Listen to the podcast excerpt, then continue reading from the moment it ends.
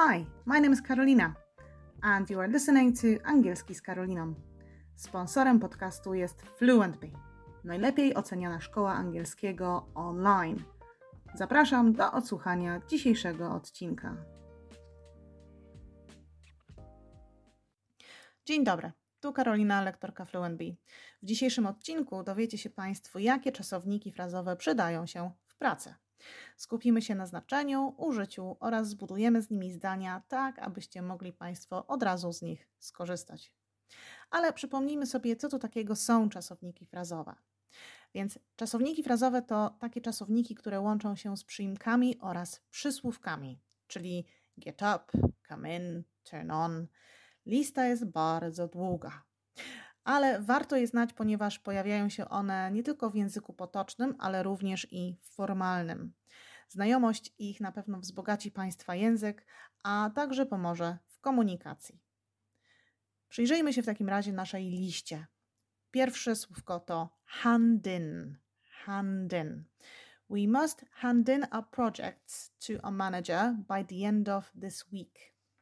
Czy hand in będzie oznaczać wręczać, czy coś oddawać? Oddawać, czyli musimy oddać nasze projekty. Aha, ale ma to również drugie znaczenie. Możemy na przykład hand in my notice, czyli składać rezygnację bądź wypowiedzenie z pracy. Miejmy nadzieję, że Państwo tego nie muszą robić. A, kolejny przykład. Come up. I have to cancel our meeting this afternoon because something came up. Co to będzie oznaczało? Czy coś wyszło, czy coś się wydarzyło? Coś się wydarzyło. Something came up. Tutaj oczywiście zastosowaliśmy czas przeszły, bo coś się wydarzyło w czasie przeszłym. Ok, teraz zobaczmy kolejny przykład. Take someone on.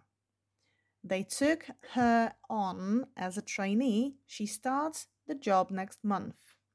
Teraz kluczowym słówkiem jest słowo trainee, czyli praktykant. Hmm. They took her on, czyli co zrobili? Zwolnili czy zatrudnili?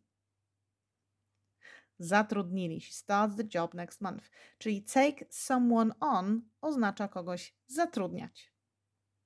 Ale można również take something on. Take something on. Posłuchajmy przykładu. We have taken on too much work this week. Czyli mamy, przyjęliśmy za dużo pracy czy za mało?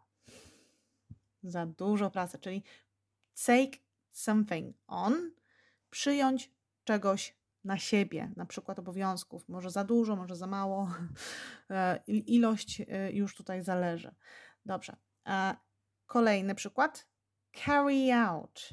Carry out. We need to carry out this order by Friday. 3. Tutaj chodzi o wykonywać zlecenie, czy, czy przyjmować zamówienie. Wykonywać zamówienie, zlecenie, zrealizować coś, czyli carry out będzie oznaczało wykonywać zlecenie, zrealizować coś. Musimy wykonać to zamówienie do piątku. Kolejne. Keep up with. Keep up with. We have to work hard to keep up with our clients' demands. Co to będzie oznaczało? Demands to jakieś zapotrzebowanie, czyli keep up with, nadążać czy spowalniać. Nadążyć za kimś, za czymś. Keep up with the good work, na przykład. Nadążamy za dobrą pracą. Mhm. Ok, to przetestujmy, co Państwo zapamiętaliście. Jak powiedzieć zatrudniać? Take someone in, on, with. Take someone on. Dobrze. A kolejne, wykonywać zadanie. Carry in, on, out. Carry out. Tak. A jak powiemy coś wręczyć, oddać? Hand out, on, in. Hand out. Właśnie tak. Jeśli czasowniki frazowe są dla Państwa nadal problematyczne, to w opisie podcastu znajdziecie Państwo link do naszego blogu, gdzie znajduje się wpis, jak opanować czasowniki frazowe. Myślę, że te rady mogą Państwu opanować je raz na zawsze. Dziękuję za uwagę i zapraszam za tydzień.